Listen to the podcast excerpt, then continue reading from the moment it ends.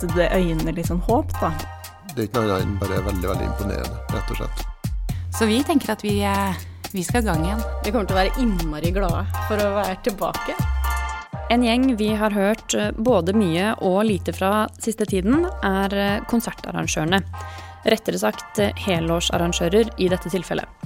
Og med helårsarrangører mener jeg altså konsertscener som arrangerer konserter hele året, til forskjell fra mer sesongbaserte arrangører som festivaler. Jeg har snakket med Anders Tangen fra Norske konsertarrangører, bedre kjent som NKA, som er en interesseorganisasjon for konsertarrangører. De har over 400 medlemmer, bestående av bl.a. klubber, spillesteder og festivaler. I tiden som har gått, har de representert arrangørene i både media og politikken. Og jeg håper at eh, Anders kan forklare litt om tilstanden til arrangørene. Og for å sjekke at det han forteller stemmer, har jeg til slutt med meg kreativ leder på Blå, Marit Soldal, markedssjef på Parkteatret, Marianne Bjørningstad, og daglig leder på Salt, Siril Bull Henstein. De skal få fortelle litt om hvordan det faktisk har vært den siste tida. Podkasten er laget i samarbeid med vår partner Norsk Tipping, med tilskudd fra Fritt Ord. Jinglen dere hører, er laget av Jonas Hibiki. Jeg heter Agnes Sten Eckersberg, og dette er Bylarm Backstage.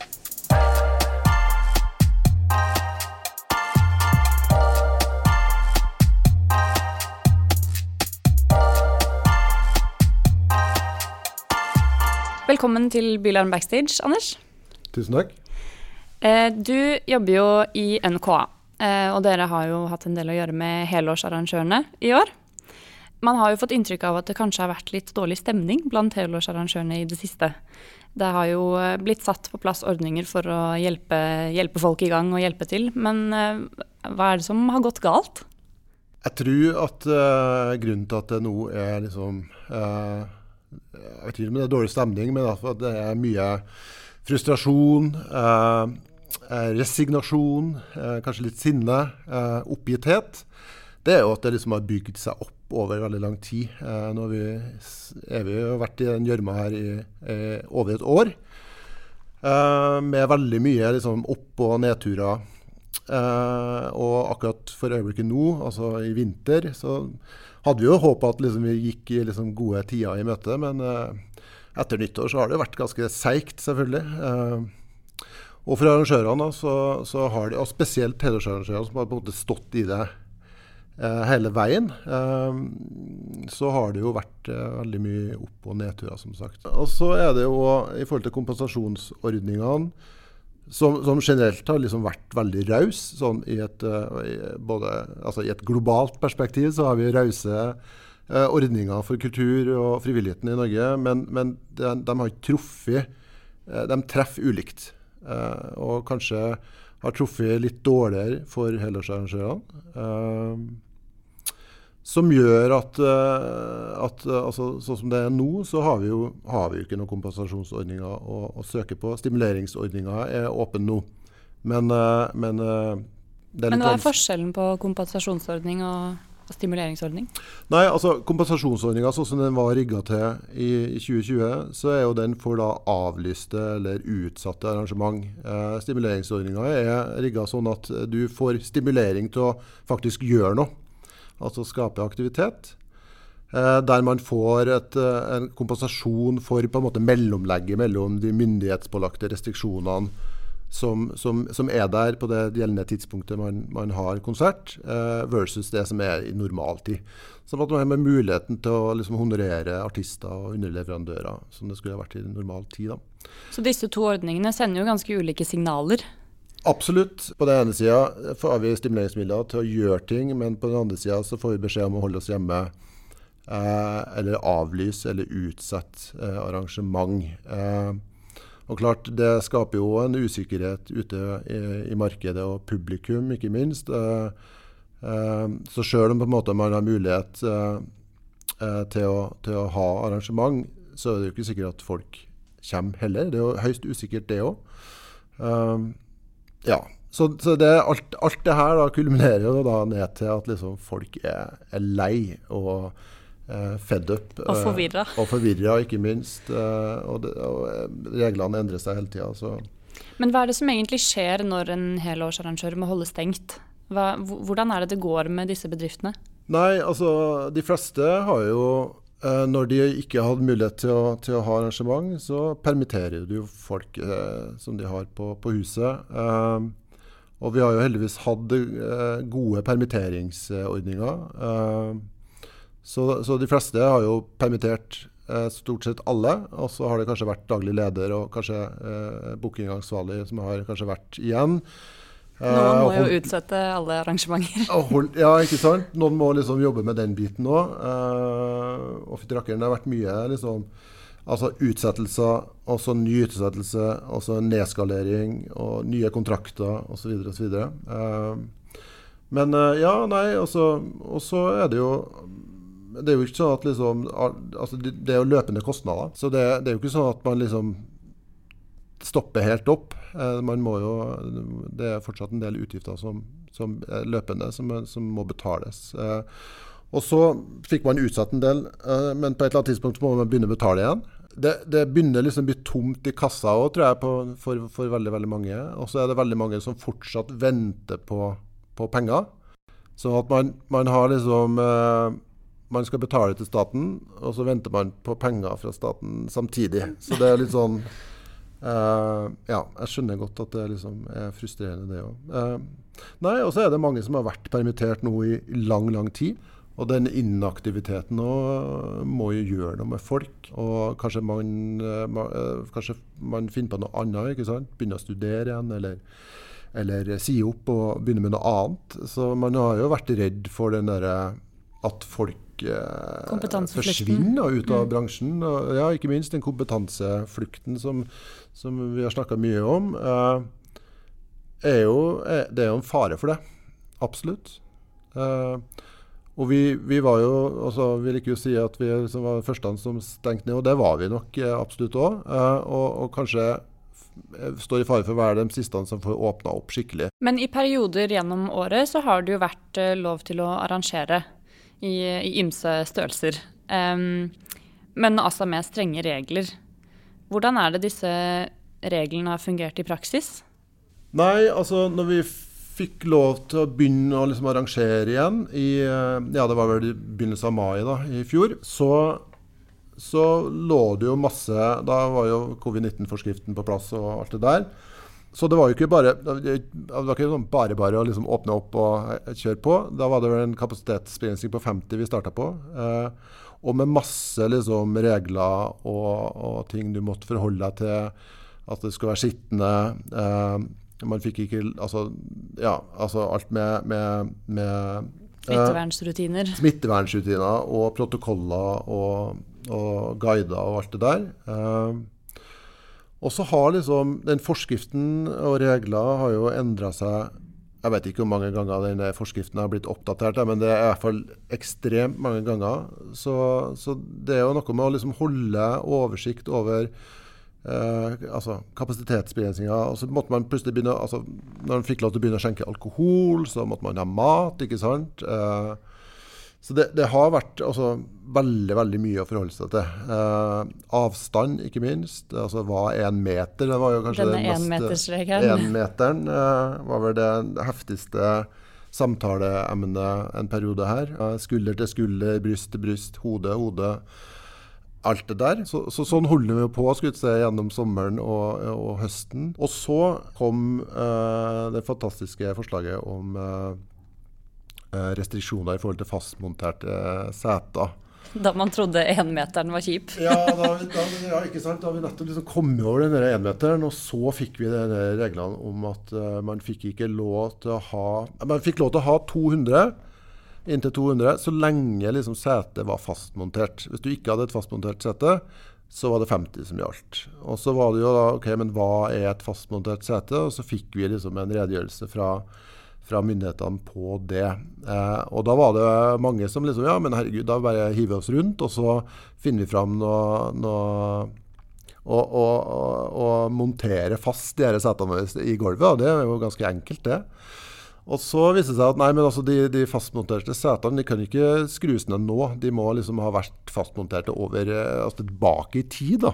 Så det var jo liksom en sånn pussig Nei, det er nok et sånn klassisk eksempel på liksom der, der man eh, tar sånne type beslutninger uten å ha snakka med oss eller snakka med bransjen om hvordan det egentlig fungerer. For jeg tror liksom tankene bak det kan kanskje liksom være OK, de, men, eh, men de hensikten med hensikten det er jo det, liksom. god på noen måter. Ja, uten at de liksom har uh, god nok innsikt i hvordan liksom realitetene egentlig er.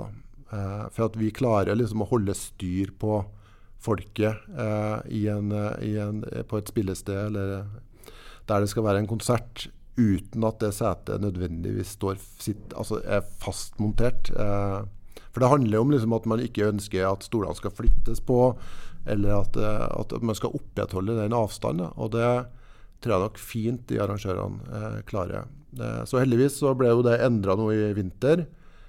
Men selvfølgelig ikke uten konsekvens. Og det som skjedde da, var jo at eh, eh man hadde jo hatt lov til å ha 200 da, i fastmonterte, og 50 i ikke. Og så ble det en slags sånn kompromiss sikkert da fra myndighetene. Så ble det ned til 100, men da med tilviste plasser i stedet for fastmonterte.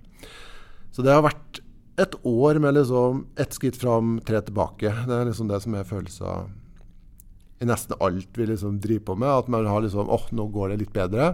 Og så skjer det et eller annet, så, så går, vi, går, det liksom tilbake igjen. Men denne kompetansen i, eh, altså hos politikerne, som du nevner er kanskje kanskje litt tynn. Eh, hvordan har egentlig dere politiske kontakt og kommunikasjon eh, vært? Altså sånn norske konsertarrangører og den politiske siden av det hele? Nei, jeg, jeg føler jo at vi har fått gjennomslag for veldig veldig mye av det vi har, uh, har jobba for. Uh, vi var jo veldig tidlig på banen og snakka om kompensasjonsordning og permitteringsordninger. Uh, i, i, tidlig tidlig i mars i fjor. Så jeg, jeg føler liksom at vi har fått sagt, gjennomslag for, for veldig veldig mye. Uh, til å begynne med så var det jo litt kaos skulle si, på alle liksom, fronter. Uh, også inn i liksom, politisk ledelse og myndigheter og sånn. Det var jo selvfølgelig uklart, en veldig uklar situasjon. Og det var veldig mye man måtte forholde seg til. Så til å begynne med så, så tok det vel kanskje litt tid før vi før vi fikk svar, før vi liksom fikk, fikk, fikk et møte med, med, politisk ledelse. Og vi gikk veldig og venta på avklaringa. Først var det liksom helårsarrangørene og den situasjonen som de sto i da i mars, som vi måtte liksom få fått avklart. Det var liksom hovedprioriteringa da. Og så når vi fikk ordna det, så var det festivalene som var neste på agendaen. Og å få svar fra myndighetene om hvordan det vil se ut da i forbindelse med festivalsesongen. Så da var det veldig mye at vi gikk og liksom masa og skrapa på dørene og, og, ønska svar og avklaringer rundt liksom hvordan sommeren kom til å bli, og ikke minst hvordan kompensasjonsordningene vil bli rigga til. Men eh, hadde dere bedre kontakt med politisk ledelse i andre runde?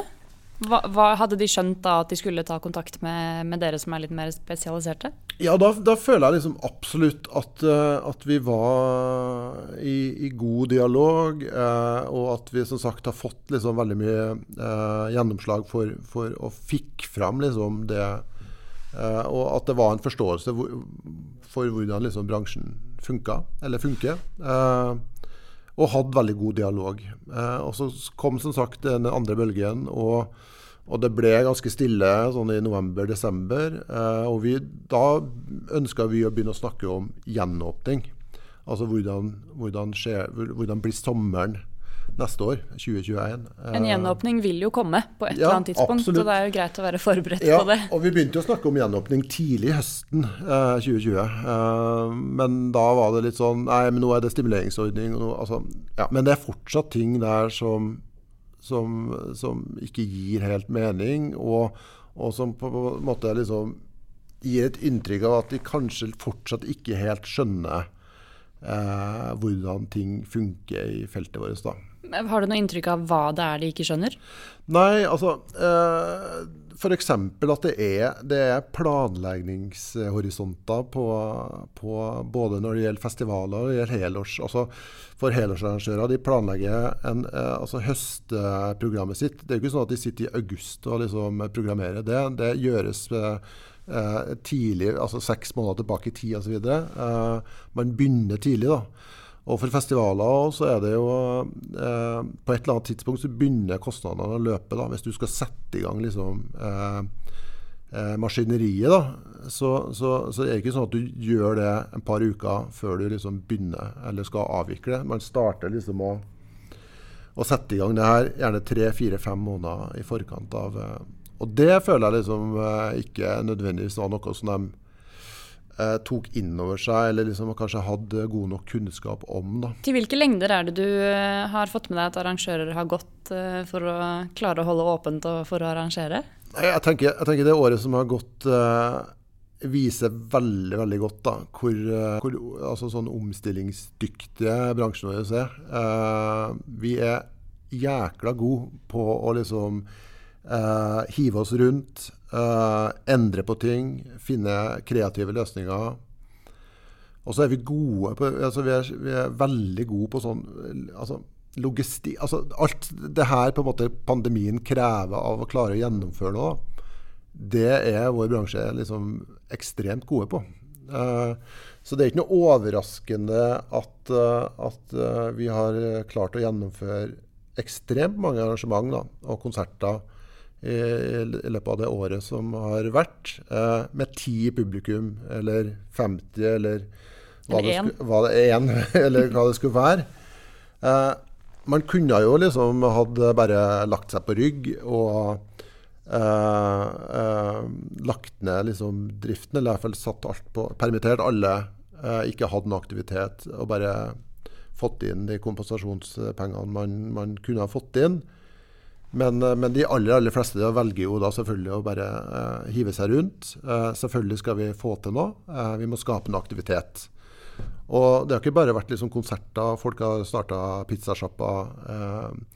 de har gjort masse andre typer aktiviteter òg, som man kanskje ikke gjorde så veldig mye av før. Jeg ser jo altså, veldig mange av arrangørene har gjort liksom standup, eller altså enda mer sånne type ting. Uh, og det er jo nettopp for å, liksom, altså det er for å skape aktivitet, selvfølgelig. Eh, holde folk i arbeid. Man har liksom eh, eh, Man, man, man eh, holder på en måte publikummet sitt varm på en måte òg. Eh, sånn at liksom at, at, at, at, stedet liksom ikke dør ut, da. Eh, nei, jeg, jeg, jeg liksom ekstremt liksom, imponert. Ikke, ikke overraska, men fortsatt veldig veldig liksom, imponert over hvor, uh, hvor, uh, hvor ja, kreativ man er, men ikke minst liksom, hvor, uh,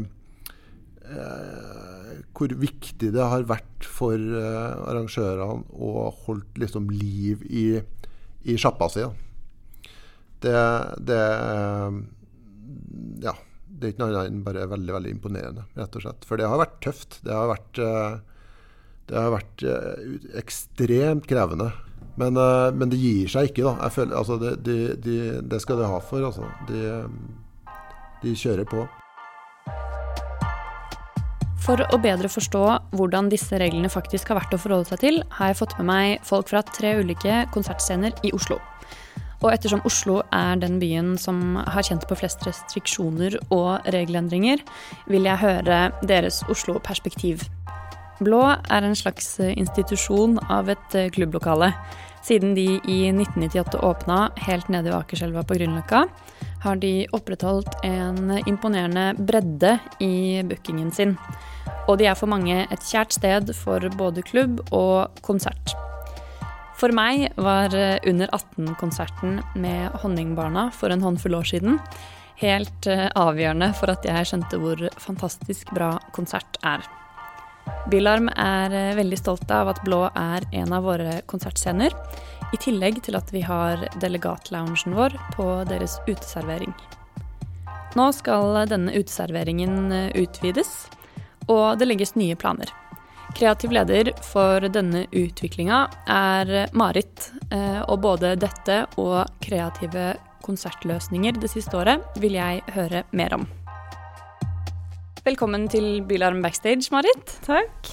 Jeg har veldig lyst til å høre om eh, fremtidsplanene til Blå. Hva er det som ligger i kortene? Ja, um, siden ja, egentlig kanskje eh, fra januar så har vi begynt å tenke litt på at uh, vi må jo se framover. Uh, etter å ha vært stengt uh, en stund, og ting har vært litt sånn på halv tolv et år. men ja, fra januar-februar så har vi begynt å planlegge så smått, og at vi ser fremover sommeren. Og det som er veldig kult i år, er at vi, vi har et nytt område eh, som kommer til å hete Blå lagunen langs Akerselva. Eh, som vi skal få disponere. Eh, og det tror jeg blir ganske kult. Så det blir litt sånn det store fokuset i sommer, da. Hva er planene for arrangementer i dette, denne nye utviklingen? Um, altså det er på en måte, det er et veldig stort område. Der har du på en måte et stort sånn gressplen eh, som er 700 kvadratmeter, ganske stort. Og så har du jo på en måte Hvis du går litt lenger bort, så har du et asfaltområde. Og så har du en liten sånn vi kaller det for leppa, som binder på en måte dette området sammen og, og blå, da, og den originale uteserveringa. Så sånn sett så får du på en måte tre uteområder i tillegg til eh, blå inne. Og så tror jeg vi også skal få lov til å bruke litt sånn helt ned ved elven også. Oi. Mm, så det kan bli en liten sånn uh, grønn oase nedi der. Ikke sant. Mm. Skal det settes opp nye barer der? Eh, på den gressplenen så, så, er tanken å bygge en scene. Ja. Mm. Eh, og litt, litt, sånn hele eh, konseptet eller tanken som vi har hatt rundt det, er jo at vi ønsker å skape en litt sånn festivalfeeling. Eh, altså, hvor er det man kan reise i sommer? Jo, det, det blir liksom lokalt, da. Eksotisk ved Akerselva. Ikke sant. Så vi må på en måte prøve å gjøre det til årets feriedestinasjon, da. Så ja, på gressområdet så vi, skal vi bygge en scene. Jeg har lyst til å kanskje få til en uh, utekino. Jeg ser for meg liksom tusle med teppe og legge det ut på eh, gressplenen og så sette seg og se på film. Jeg hadde en sånn opplevelse da jeg var i, i, Brooklyn for en Ja, det er mange år siden. Men uh, da var den, vi tusla rundt, og så plutselig så havna vi på en basketballbane som, der det viste ut i kino. Det var bare sånn Å, det, det her er gøy. ja. Um, og så på asfaltområdet så blir det liksom servering, kanskje noen DJs. Um, og så videre på uteserveringa så er det også DJs, og så er det konserter inne, da. Så. Er dette planer som har ligget i kortene lenge? Um, i, altså, vi fikk jo litt i mulighetene til å benytte området i fjor, men ja, det trådte veldig kraftig i juli-august, så det, det, ble jo på en måte litt sånn, ja, som sagt, kasta på. Det var ikke noe tak, så veldig sånn vær, vær, og vind styrte jo litt sånn hvorvidt vi kunne gjøre noe. Og pluss at i fjor så var det jo hele tiden endringer, man var hele tiden bakpå, da. I hvert fall eh, var litt den følelsen jeg satt med. Eh, mens i år så har vi på en måte Nå har vi jo vært stengt en stund, har på en måte kanskje fått en pause. Og har også da kan tenke litt fremover, da. Um, så ja, vi fikk benytte det litt i fjor, men, men, nå blir det på en måte litt mer sånn helhetlig. Vi tenker å gjøre det litt mer eh, solid. Men disse hva skal man kalle det, lokalene langs yeah. elva, de har jo ligget der fra før av. Mm. Men hadde dere gjort noe med det hvis dere ikke hadde vært stengt så lenge nå? Um, nei, fordi Det er jo litt sånn synsing. Ja, men... ikke sant. Ja. Nei, jeg tror på en måte korona skjøv det litt sånn i gang, da. Eh, man, vi trenger ekstra uteområder, ikke sant. For inne så Vi har jo en fin venue inne, men den er jo ikke så stor. Så jeg tror med liksom alle metersbegrensningene, og i hvert fall med tometersbegrensningene, så er det jo bare plass til maks 60, kanskje 70. Ja. Så det, det setter jo ganske begrensninger på hva man kan gjøre. Eh, så med at vi på en måte kan få lov til å bruke uteområder, det gir oss jo noen helt andre muligheter. Så vi, vi, håper og tror at vi i hvert fall Det er i hvert fall det jeg lener meg på nå, da, at vi la oss få åpne i mai, i hvert fall. Er det sånn at uh, man finner på litt nye løsninger for hva man kan arrangere også? Ja, uh, altså jeg er jo på en måte litt sånn ny akkurat i denne rollen. Jeg har jobbet som klubbooker før. Nå er det jo litt sånn kreativ ansvar ute og booking ute som er, mitt fokus nå, da. Eh, men jeg, jeg, tenker jo at det er, det er jo veldig sånn å planlegge for veldig mange scenarioer. Eh, jeg begynte jo å booke litt sånn smått i april, og så er det liksom men vi må ha det på tentativt. Og så må jeg sende mail. Nei, det går ikke likevel. så, så, det er jo på en måte Ja. Det er hele tiden å planlegge samtidig som du må på en måte avplanlegge eller endre på planene eller Ja. Dere har jo hatt noen eh, hva skal man kalle det, koronaløsningskonserter gjennom siste året også. Mm. Eh, kan du ikke fortelle litt om hva Blå har fått til der? Noen av de som jeg syns var hvert fall veldig gøye og spennende løsninger, det var jo f.eks. med Honningbarna. Som, eh, hvor de kjørte vel eh, hva var det, én låt 50 ganger. Eh, og da fikk de inn én eller to publikummere. Jeg husker jeg sto litt sånn bak lokalet for å ta noen bilder. og så Det var bare så gøy å se hvordan eh, publikummene reagerte. For, for, jeg tror det var litt sånn Plutselig så ble de på en måte fokuset, da. Ja. Eh, fra at det er liksom Vanligvis er det jo bandet, ikke sant. Så du har 400 folk og, som titter. Kan gjemme seg. Ja, ikke sant. Mm. Men plutselig så ble det publikum da, som ble eh, fokuset. Så jeg tror noen ble liksom Hvordan skal jeg reagere? Eh, hvor skal jeg se? Hvor, hvor, hvor mye skal jeg gi, da, på en måte. Så det, det var nesten litt sånn sosialt eksperiment. Ja, sant. ja, det var en utrolig morsom løsning å følge med på. Ja, det var, det, det var veldig kreativt. Og så, så, kjørte vi jo noen eh, strømkonserter. Vi hadde jo nummer, nummer fire hadde vi jo en, eh, en konsert som gikk veldig bra. Eh, og så ble det jo diverse andre strømmekonserter, og så og så kom jo hele den perioden med at ja Eller jeg føler liksom i starten så, så var jo folk veldig, veldig gira på å se på nett og ikke sant, og, og, og, vi hadde Oslo Clubcast f.eks. innom og, som gjorde strømninger og sånn. Eh, mens, eh, og, og, den interessen er der sikkert fortsatt, men jeg tror også folk begynner å bli litt sånn der herregud, jeg har lyst til å ut. ja, det erstatter jo ingenting. Nei, jeg vil, jeg vil, se folk, og jeg vil liksom ut og kjenne på lufta og svetten, holdt jeg på å si. Ja, helt klart. Så, så det etter på en måte ja, mye sånn prøving og feiling. Og vi hadde jo selvfølgelig små konserter med, hvor bandet kjørte to og tre konserter på en kveld for å liksom få nok publikum inn. da. Eh, og en heldagsklubb hvor vi solgte liksom bord, hvor folk måtte sitte på bordene. eh, så ja, det, det har jo, vi har jo prøvd mye forskjellig. Eh, inneklubb og uteklubb som sittende og ja. Men um, Vi er klare for de vanlige konsertene. Ja, det, jeg kjenner jeg er veldig klar for det. Men det blir nok eh, Jeg innser jo at det blir nok en runde først med litt sånn som i fjor først. Så kanskje mot høsten så er det lov å stå litt tettere. Mm. Hvordan, hvordan, går det med Blå, da? Har dere overlevd greit? Jeg føler folk er jo veldig løsningsorientert, og om man også finner kreative løsninger, så er det liksom slitsomt å hele tiden være i sånn uvissheten, da. Uh, og litt sånn ikke kunne håpe helt og vite helt uh, hva skal skje neste halvår, eller ja. Så, så det, det, har vært uh, slitsomt. Og vi jo også, merker jo også at mange folk har jo slutta. Så vi har jo mista mye folk også. Um, så absolutt, det har vært tøft. men nå det som i hvert fall motiverer meg nå, er jo at jeg føler at vi kan i hvert fall se litt sånn skimtelys i tunnelen. Da. Det tenker jeg er jo det som er litt gøy med det prosjektet jeg får gjøre nå ute, er jo eh, at det øyner litt sånn håp, da. Planen nå er jo å dyrke blomster inne i lokalet, da. Til å plante ute om noen uker eller måneder.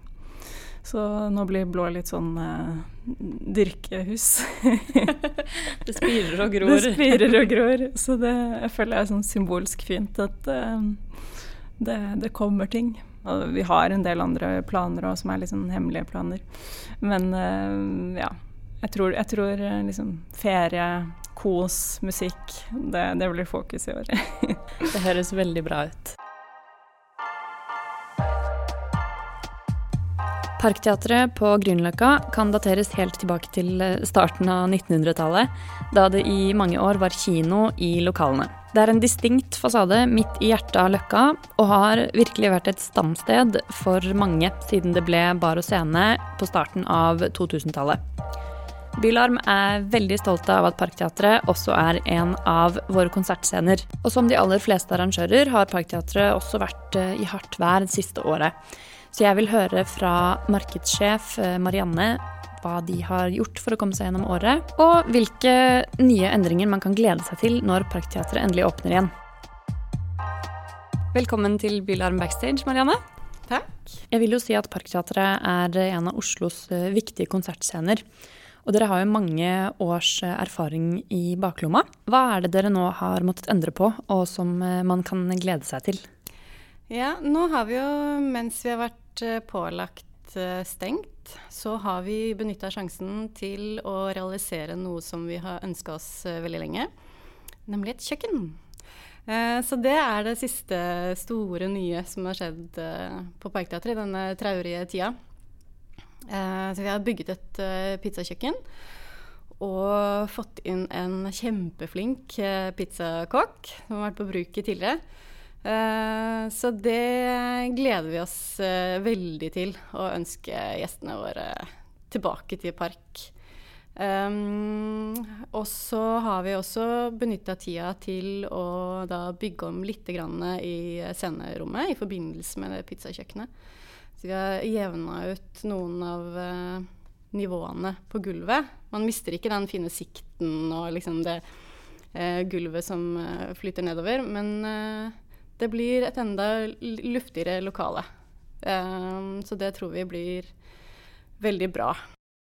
Så da skal vi egentlig uh, satse på de tre av de tingene vi liker aller best i livet. Og det er jo magiske konsertopplevelser.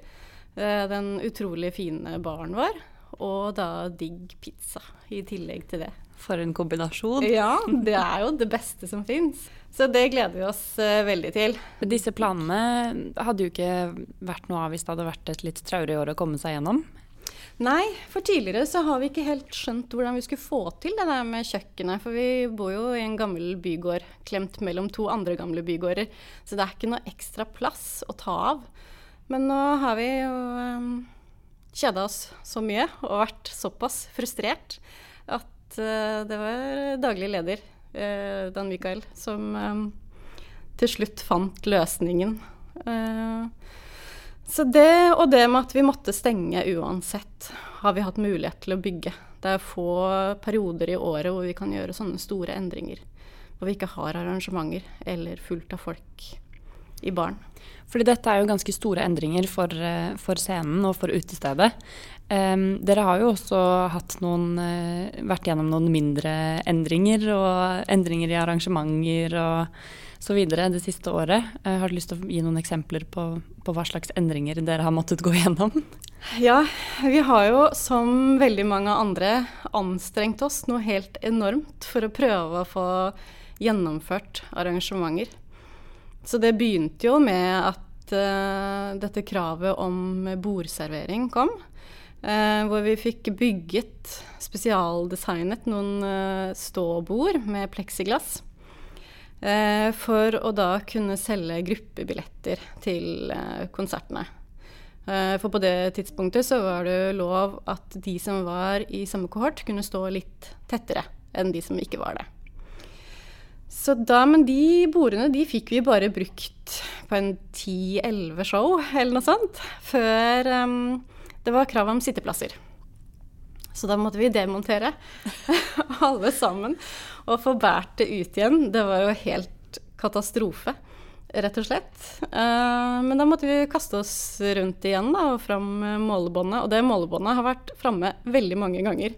Og vi har skritta opp salen og liksom stått og klødd oss i huet og tenkt OK, hva gjør vi nå? Hvordan skal den nye salen på Parkteatret se ut for å kunne gjennomføre arrangementer? Eh, og fikk jo da også programmert et nytt salkart i samarbeid med Ticketmaster eh, for disse gruppebillettene. Eh, men etter hvert så kom jo da den nye eh, regelen om at også de som er i samme kohort, må ha én meter imellom. Så da var i grunnen ikke de gruppebillettene hadde ikke noe funksjon lenger.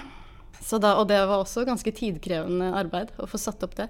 Men da måtte vi skrote det nye systemet som vi hadde laget der. Ja. Mm, og fram med stolene. Uh, ja, så vi har vært gjennom uh, Vi har prøvd flere ting som uh, funket en liten stund etter liksom dagens gjeldende regler, og så ikke funket i det hele tatt. Av alle de forskjellige tiltakene og endringene dere har vært gjennom, hva er det som har tatt kaka? Hva er det som har vært liksom, det mest frustrerende å forholde seg til? Nei, Det toppet seg jo når det ble krav om fastmonterte stoler. Da måtte vi bare kaste inn håndkle. Da hadde vi gått så mange runder og øh, snekret bord og kasta det igjen, og vi hadde liksom vært gjennom veldig mange ting som vi kunne løse. Det var liksom Vi måtte bare jobbe oss gjennom det, så fant vi en løsning. Men når det kom til eh, fastmonterte stoler, da, da måtte vi bare gi opp. For det, det Dere kan... har jo ikke hatt det i 20 år. Nei. Vi, det var jo det på Parkteatret i gamle dager når Parkteatret var en kino.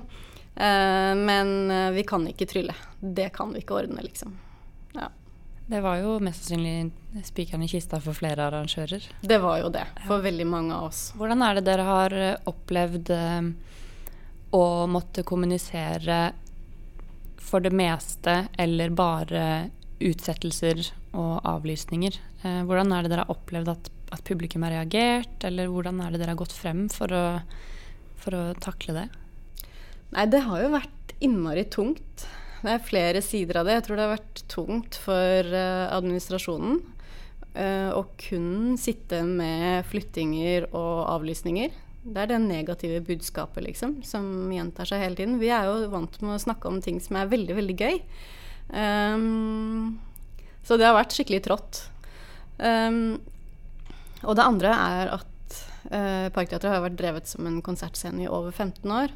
Uh, og mange av vi som jobber der, har vært der like lenge, nesten.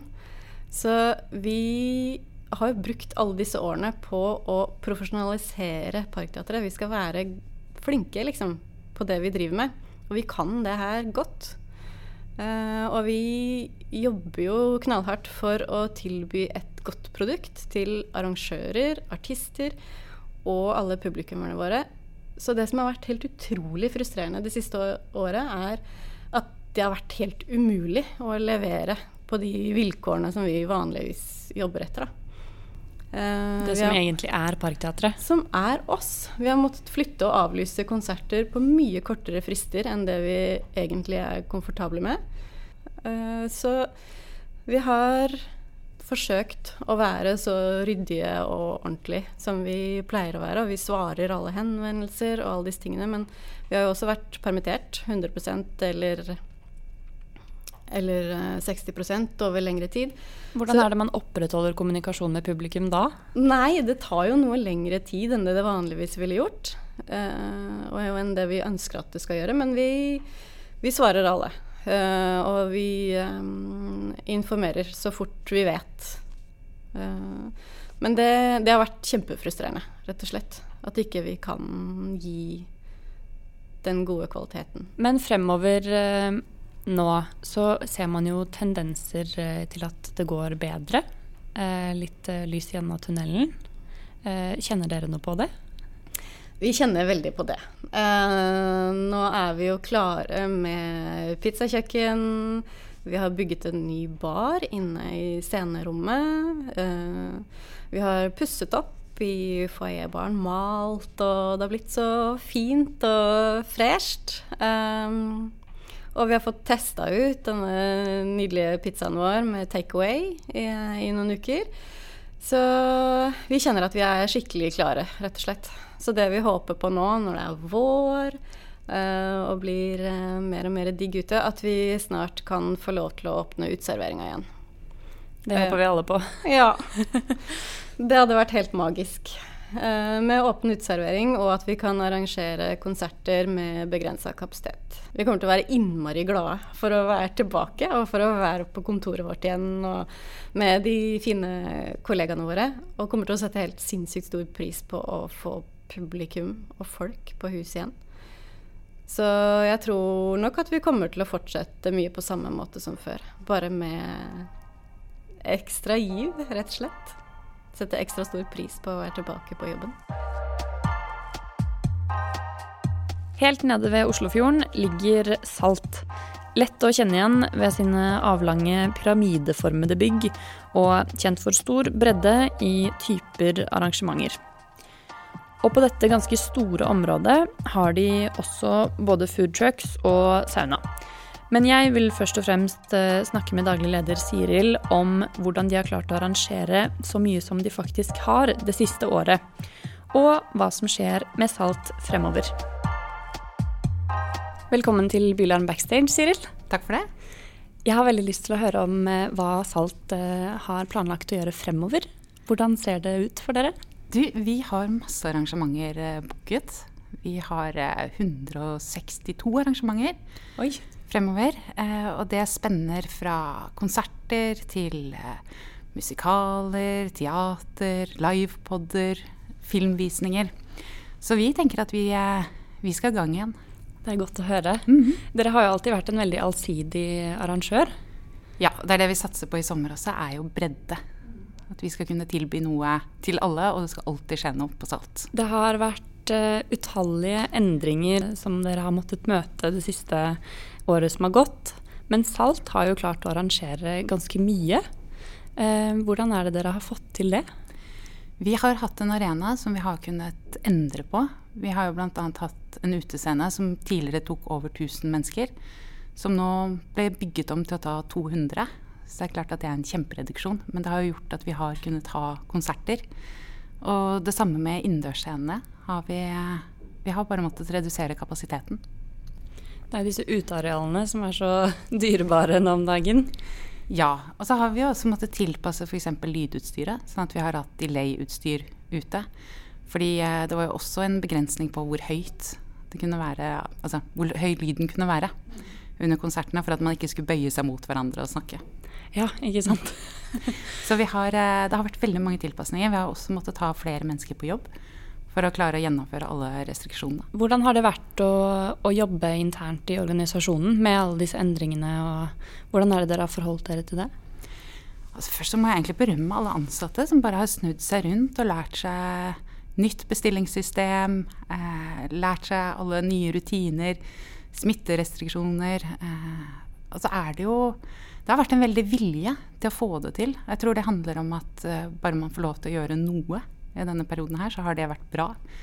Istedenfor å bare sitte hjemme og vente, for det er jo det vi gjør nå. Nå venter vi på å kunne komme i gang igjen. Hva slags eh, kreative løsninger er det dere har endt opp med å ha da? Nei, det er vel som veldig mange andre at vi har hatt et bestillingssystem eh, som gjør at alt blir servert ved bordet. Eh, så er det dette delay-systemet på lyd. Og så det jo, handler det jo mye om organisering av de ansatte. Altså at man følges til bordet, må sitte nede hele tiden. Eh, så er det jo ja, ut med målebånd, da. Én meter mellom alle. Eh, og det er jo det som også har vært. Det har endret hele tiden. Er det en meter fra skulder til skulder? Er det en meter fra hode til eh, hode? Hva skal man ta utgangspunkt i? Så vi har, eh, vi har endret mye underveis. Har du noen morsomme eksempler på hva slags eh, arrangementer dere har klart å få til? Altså det jo Det var jo noen fantastiske konserter i sommer. Eh, hvor jeg, jeg, tror folk bare hadde en sånn lykkefølelse over å være ute igjen. Eh, og det å da sitte altså Det har blitt veldig gode konsertopplevelser av at alle sitter nede, alle er helt stille. Fordi det er lavere lyd. Det er ingen som går til baren eller sånn skynder seg av gårde før pausen. Så det har blitt veldig gode opplevelser. Eh, så vi tenker jo at vi skal fortsette med servering ved bordet. Ja. Rett og slett. Mm. Mm. Jeg tror det er flere som, eh, som, tenker det. Ja, det gir en annen ro i publikum, istedenfor den der at du skal skynde deg av gårde for å komme først til baren i pausen, eller mm. at man, man skal gå Man savner jo litt det også. jo da, men for, uh, som for alle i publikum, mm. så gir det Det gir veldig gode opplevelser. Mm. Og at folk sitter og er veldig rolige. Mm. Men så har vi jo også Vi har jo klart å gjennomføre dansearrangementer. Så det er jo ikke bare ro. Det har jo også vært veldig mye gøy. Så vi har jo hatt sånne heksagoner um, liggende hvor alle da har hatt sitt område å danse på. Sånn at vi har passet på at det fortsatt er en meter mellom hver dansende gjest. Ja, det har jo vært veldig kult å, å se. Hvordan dere har fått til silent disco og ja. alt mulig. Så vi har klart å arrangere sånne ting. Og også da Dette er jo ting vi har sjekket med alle involverte parter. Sånn at vi skulle gjøre det trygt og gjøre det på en måte som var eh, lovlig. Og det har vi fått gjennom. At det, det er greit å gjøre. Så det skal vi fortsette med. Det blir dans i sommer også. Men som en av arrangørene som, som fikk til mest i fjor sommer, hvor stort var egentlig omfanget? Vi klarte å gjennomføre 300 arrangementer i løpet av sommeren. Eh, og det var da fra eh, konserter med 200 mennesker til konserter med 26 mennesker. Som makskapasitet. Mm. Så det ble stor bredde. Tenker du at det er lov til å kjenne på en slags eh, optimisme nå? At, ja. at man kommer til litt lysere dager? Jeg gjør det. Eh, både så er jeg veldig glad for å se at vi er i At kulturlivet er tatt med i fase én av gjenåpningsplanen. Eh, sånn at det kommer. Nå handler det litt om tid. Og så har jo Kulturrådet og Norsk publikumsutvikling har jo gjennomført en undersøkelse som tilsa at publikum de ønsker å bruke mer tid og penger på kultur etter pandemien.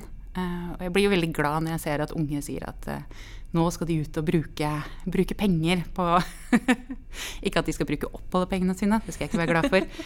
Men uh, hvert fall det at folk, jeg tror folk har et kjempebehov for nye impulser. Og det får de jo via kultur.